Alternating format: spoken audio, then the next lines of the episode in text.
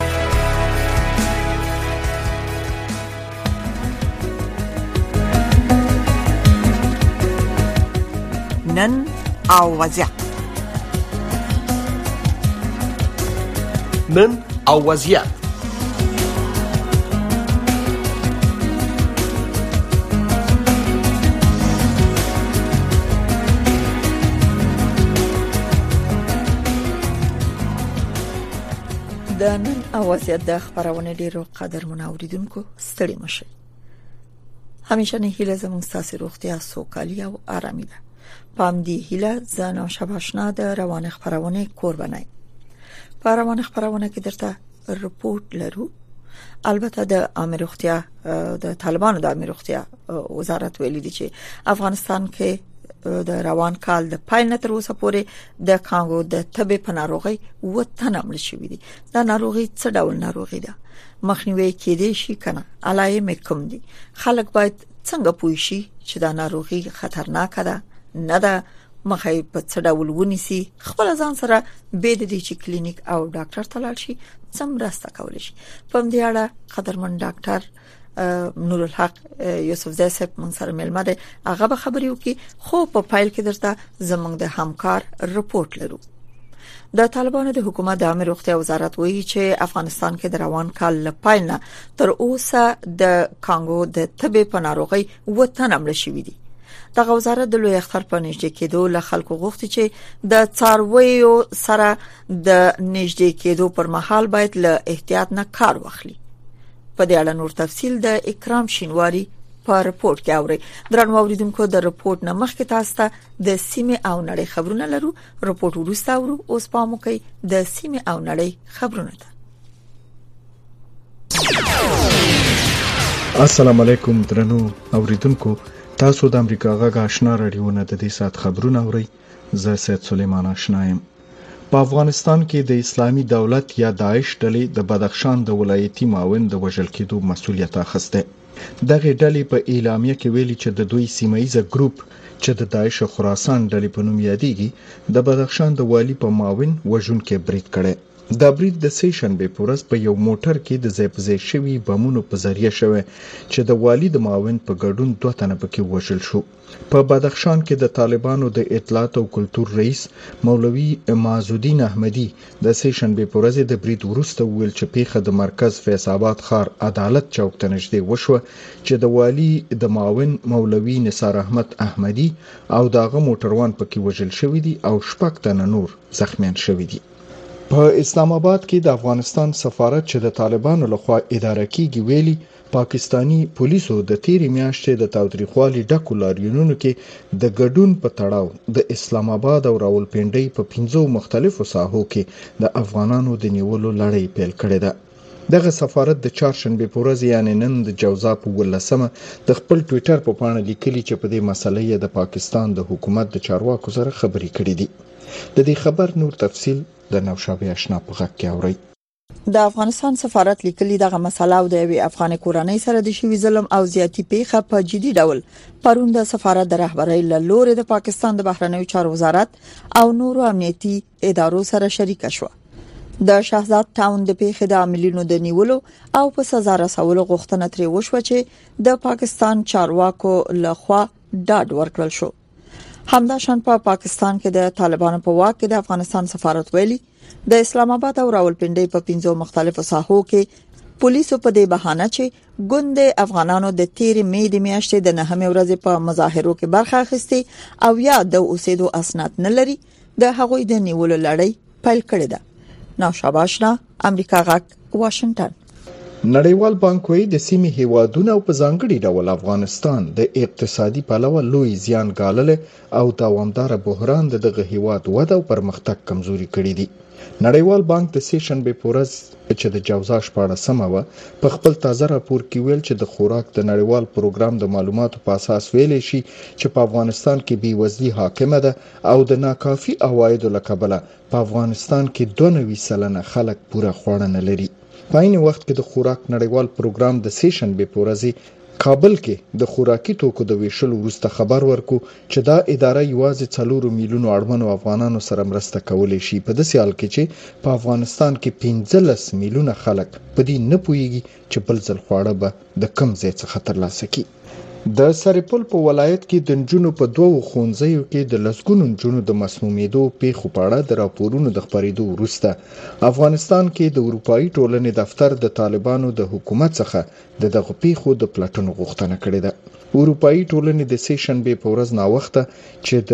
جوزا شپاړسمه وه د خپل ټویټر په پاڼه په یوه اعلامیه کې د سرپل په ولایت کې د شپېتو نجونو مسمومېدل یو وحشتناک عمل بللی او په دې اړه یې خواشیني هم ښودلې ده همداشان افغانستان لپاره د امریکا ځانګړي استازي ټامس ویسټ او د افغان میرمنو او نجونو د حقونو په برخه کې د دغه هیواد یعنی د امریکا ځانګړي استازي رینا امیری هم د سرپل په ولایت کې د نجونو د مسمومېدو په پیښو اندېښنه ښودلې ده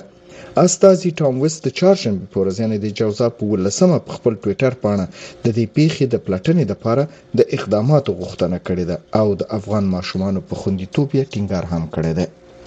درنو اوریدونکو تاسو د امریکا غږ آشنا رادیوونه د افغانستان سیمه او نړۍ خبرونه اورئ د امریکا د جمهور رئیس په خوانی معاون جمهوریت ریاست ته کاندید شو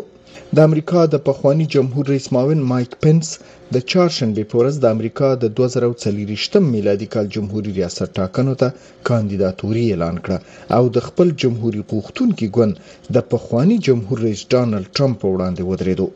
ټاکل شوی مایک پنس د چهارشنبې په ورځ په آیووا ایالت کې خپل کمپاین پیل کړي او یوې غونډې ته به وینا هم وکړي په ایووا ایالت کې د انتخاباتو د ورځې دمخه د رایې ورکولو بهیر پیلېږي. د مایک پنس سربېره د نیوجرسي ایالت پخواني والي کریس کریسټي او همداشان د فلوریډا ایالت جمهوري غوښتونکي والي ران ډیسانتیس هم کاندیدان دي چې د بل کاندید پخواني جمهورریس ډونالډ ټرمپ سره نږدې سیالي لري.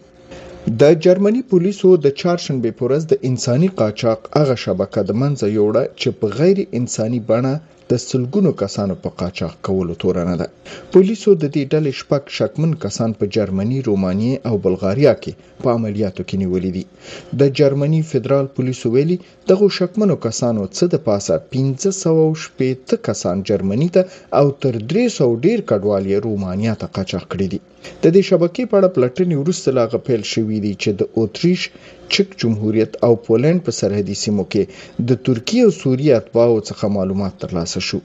داسې انګېرل کېږي چې دغه مهاجر د بالکان هېوادونو له لارې جرمني ته انتقال شوي دي. او ایران د سې شنبې په ورځ چې د جوزا شپاړسمه وه په سعودي عربستان کې خپل سفارت پرانیست دا سفارت د دواړو هیوادونو ترمنځ د چین د منځګړیتوب د هڅو په پایله کې پرانستل شوی دی. په سعودي عربستان کې د ایران سفارت د ریاض په دیپلوماتیکه ساحه کې په خپل پخواني ځای کې په کویټ کې د ایران د پخواني سفیر علي رضا عنایتي په مشرۍ فعالیت پیل کو دا و د دې سات خبرونه درنو اوریدونکو مننه تاسو نه چې د سیمه او نړۍ خبرونه مو اوریدل اوس هم پام وکړئ رپورت ته د طالبانو د حکومت د امیر روغتیا وزارت د لوی اختر را رسیدو ته په پاملرنې په افغانستان کې د کانګو د تبي د ناروغي د خبرېدو په اړه خبرداري ورکړې او له خلکو غوښتي چې سروي سره د نږدې کېدو پر مهال دي روغتي لارښوونو ته جدي پاملرنه وکړي د دغه وزارت وایي ډاکټر شرافت زمان امرخیل امریکا غږ ته ویل چې د روان 2023 کال له پیل څخه تر اوسه دغه وزارت د کانګو د ناروغي یو څلور پیخي سب کړی دي د 2023 کال د پیل راهیسې لمک سره په ټول هیواد کې یو سلو د کانګو مثبت واقعات ول چې په کندهار ولایت کې او په ځوجان ولایت کې په دورسوي کې واقعات موږ درلودل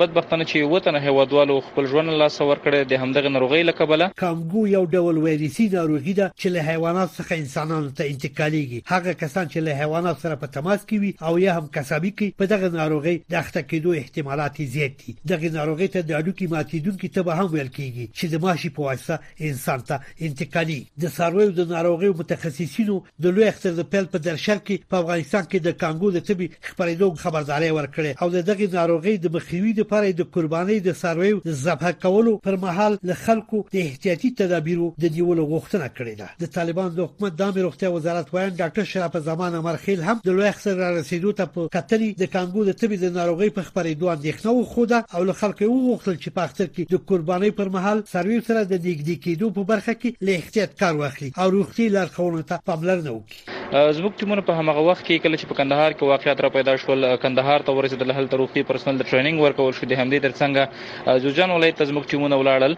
زموږ هڅه همدا ده چې د عامه پوهاوي په توسط سره د ترڅنګ په وقایوي تدابیرو سره د کانګو ناروغي څخه مخنیوي وکړو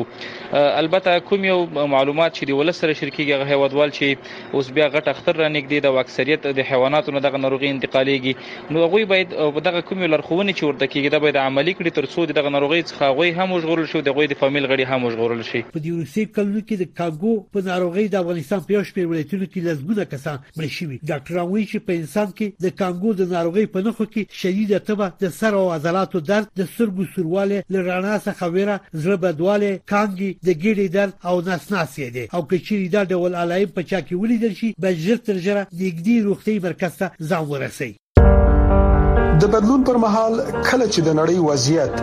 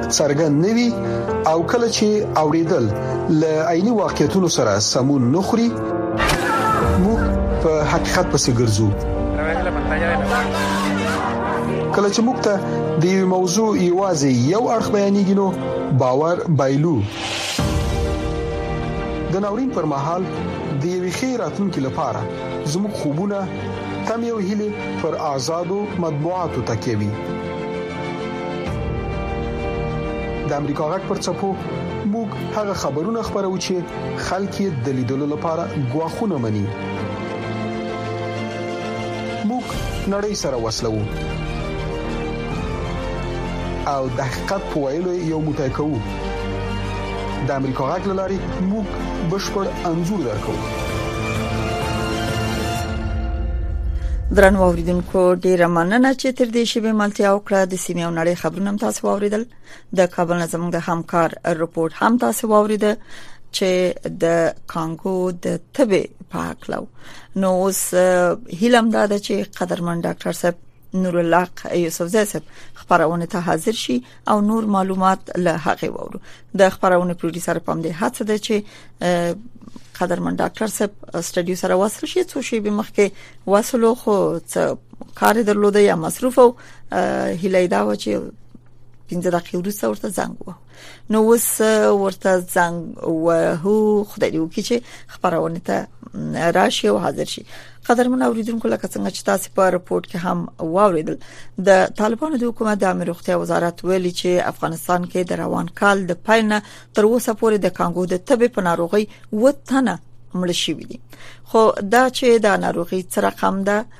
په کم وخت کې باید احتیاط نه کار واخیستل شي د طالبانو حکومت د امروختي وزارت د لوی اختر در رسیدو په پاملر په مناسبت البته دی وخت کې ویل چې باید په افغانستان کې کانګو د تبه د ناروغي د خبرېدو په اړه خلکو ته خبرداري ورکړې ده چې باید د لوی اختر په شپه ورځو کې دا چې قرباني کیږي باید له احتیاط نه کار واخلي خه ولې حیوانات یا ولې څاروي لنې کمرغه ډاکټر صاحب نور الحق یوسف زاده صاحب هم دا شیبه حضور لري خبرونه کې ډاکټر صاحب ستړي مشي بله ډاکټر صاحب سلام ټول درنو اورم صاحب اورم سلام علیکم سلام تاسو سلام ټول درنو اوریدونکو ډیره مننه چې زموږ بلنه منلې ده په خبرونه کې موږ سره سي ډاکټر صاحب کاول دا وی وی چې دا ده کانګو تبه څه ډول ناروغي ده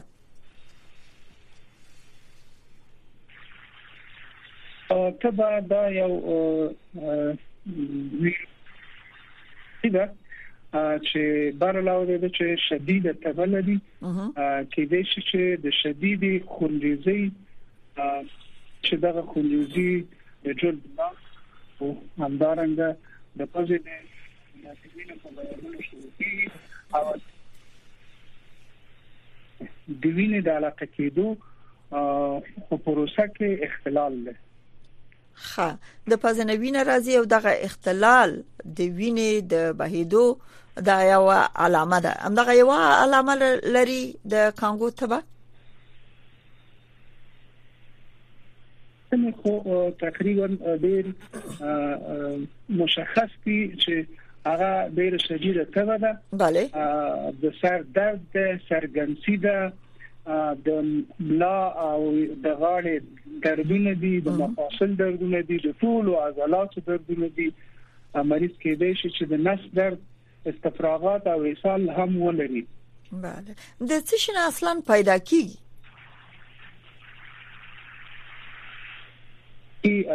لامل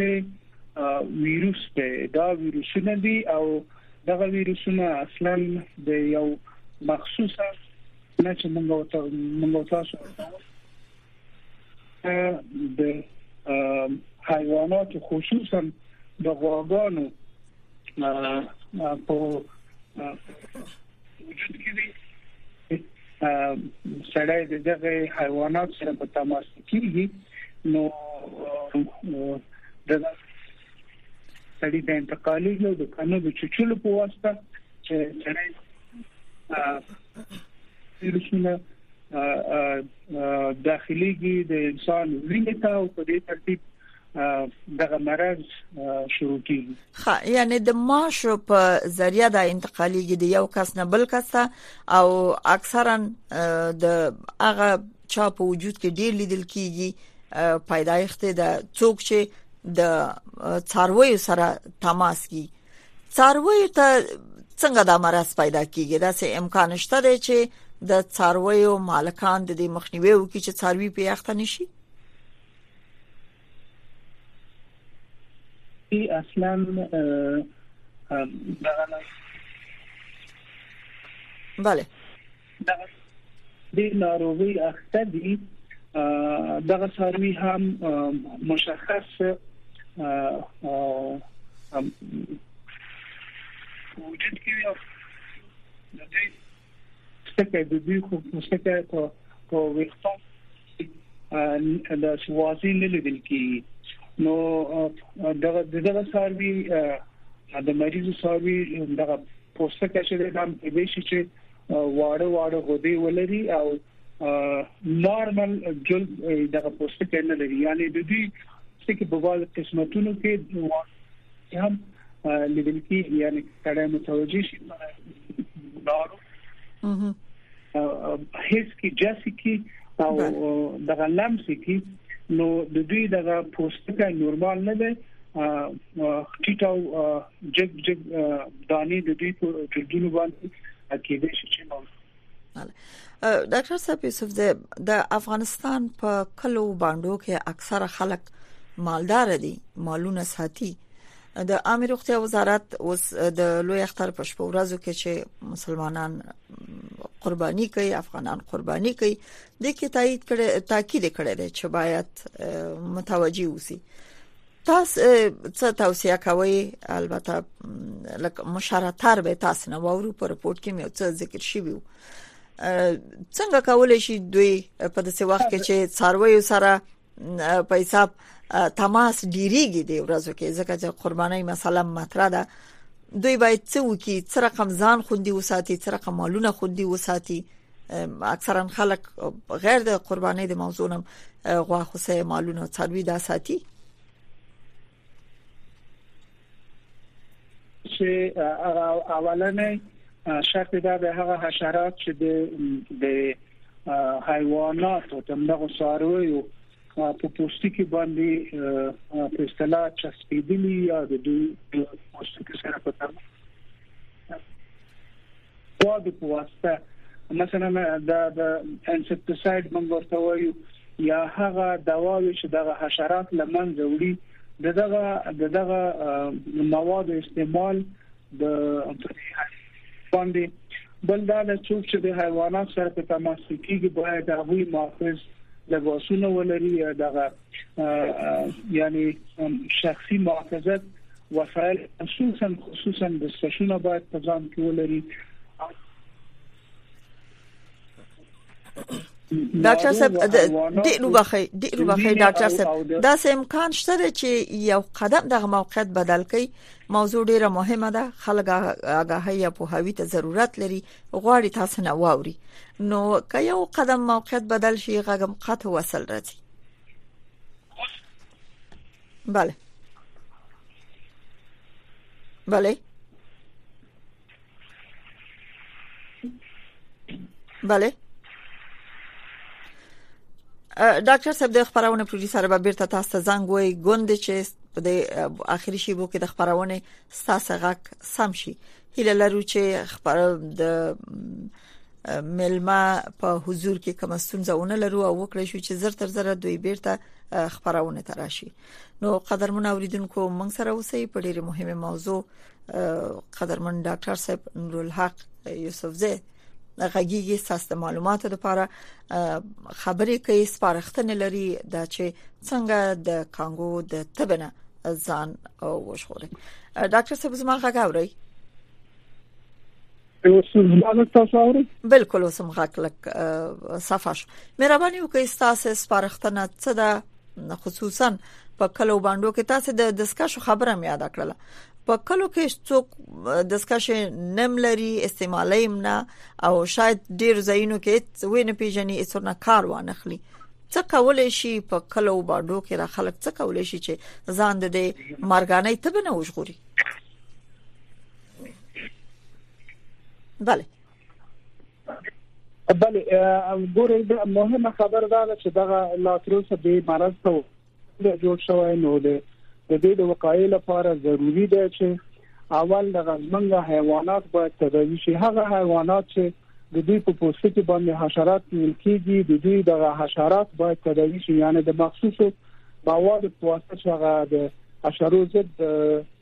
دواوی دي هغه باید په حیواناتو باندې ووهل شي ترڅو چې د دوی د حشرات لمنځه لاړ شي دومره خبره مهمه دغه ده چې اوس د شکشې هر شي ته پیدا کیږي د څه نه چې په اطرافو کې د سکشو نه پیدا کیږي د سکشو او اغوستل خصوصاً د قصابانو لپاره یا هغه څوک چې قصابي کوي دا ضروری ده چې هغه باید مخصوص لباس او دستکش واغوندي بل سړی باید ډیر کوشش وکړي چې د حیواناتو نه کوم وینه چې جریان پیدا کوي یا د حیواناتو د وجود مایعات دي لکه د دوی مثلا ادرار د دوی خوشایي په هغه په هغه خلکو کې چې هغه حیوانات چې دوی مصاب دي دوی د مایات او افرازات نه باید ځان وساتل شي حتی هغه اشخاص چې په دې ناروغي اخته کیږي دا سالم خلک باید د دوی د دغه دغه د انسانانو د د وینې او د په اصطلاح افرازات نه ځان باید وساتل شي وساتي بل مهمه خبر دا ده چې دغه شیرو نه ناروغي زیاتېږي بله نو دغه غوخه او دا شان چې اخیستل کیږي باید دا په یخچال کې اول څلور ساعته وساتل شي بعد لاغه بیا مصرف شي ډیره مهمه خبره هم دغه هم دغه څو نقاط چې په په اصطلاح په وقایع کې دا رول لري بله ډیره زیاته مننه د سه مشخصا د تداوی په اکلای څه وی ډاکټر صاحب چې دغه کڅوک په دې تکلیف اخته تداوی څه شه ده آیا مریض خپل یا کورنۍ ور سره کومک کولای شي په کوم ځای کې چې کلینیکونه یا ډاکټر ته لاسرسي کم دی یا موقع ورته نه مساعدېږي عاجل یا په عاجل توګه خپل او کورنۍ ځان سره څه مرسته کول شي د کور غړي سره څه مرسته کول شي امکان شته مهمه خبر مهمه خبر دا ده چې دا ناروغي ډیره شدیده ناروغي ده او شخص ته شدیده خونریزي پیدا کیږي چې د خلې لمنې حتی د جلد نه د پرته نام دغه سي وینه جریان پیدا کوي ځکه چې د وینې د انعقاد یا د وینې د علاقه کېدو دغه سیستم بیخي برهم خوري او د وینې جریان د ټول سیستمونو نه په اصطلاح امکان شته چې په اصطلاح خلیزي پیدا شي نو په دې ترتیب د خلکو ته د فتن دغه د وجود وینه چې ځای کیږي او د وجود مایات چې ځای کیږي دې ته د وجود مایات کې تعادل کې په اصطلاح خرابې منځ ته راځي دا دا د خلکو ته باید په اول کې توجه وشي چې د وجود مایات پوره شي همدارنګه د وجود هغه مال چې دي چې موږ ورته الکترونیکونه وایو دا د دې تعادل ته باید توجه وشي بل مهمه دا ده چې ډیر خوندیزي مال ترازینو د اکسیجن کموالی په ټول سیستمونو کې خصوصا زړه او دماغ ته خوندي اکسیجن نه رسیږي نو په دې صورت کې د اکسیجن ورکول ډیر مهم دی او بل سره د دې اساسي تداوی چې دا هغه همدغه پلاټلیټ ترانسفیوژن دی یعنی د وینې ټول هم نشو ورکولای د خلکو ته چون د پلاټلیټ دغه صفایحات د مې په دې کې ډیر زیات شدیدن کمیږي نو دوی ته باید د پلاتلیټ ترانسفیوژن صورت ونیسي نو دا کارونه بله ځکه کې دې شي چې اصطلاحا دغه د طبي اصلاحات امکان لري چې په پښتو یو وی چې کا اوریدونکو په پوي شي چې مقصدم د دغه خبر نه بدیل دغه پلاتلیټ چې دوی موږ ورته صفایحات د نوې ویټونه کې موږ درې رقم حجرات لرو سپین کرویات دي سره کرویات دي او صفحات د یو کل کوم چې د دغه د وینې د علاقه کېدو لپاره ډیر مهم دي دغه صفحات د نړۍ چې دا ډیر کمیږي او دغه تیرول ورته ډیر ضروري دی کنه دي ته ډیر وینه نشو ورکولای باید پلاتلیټ دغه حجرات ډیر کمیږي نو اول دغه دغه وینه چاکیږي او دغه حجرات یا خپل کیږي دغه حجرات په تنایي دغه مریض ته تیریږي تر څو چې د دې د خونریزي ودرېږي د دې هغه لوی لوی لامل د مرګ څه ده شدید خونریزي ده او دغه خونریزي په دماغ کې مثلا په کولمو کې حتی په څوګي کې د خوندیزان باید د دې چې د مرګ سبب شي او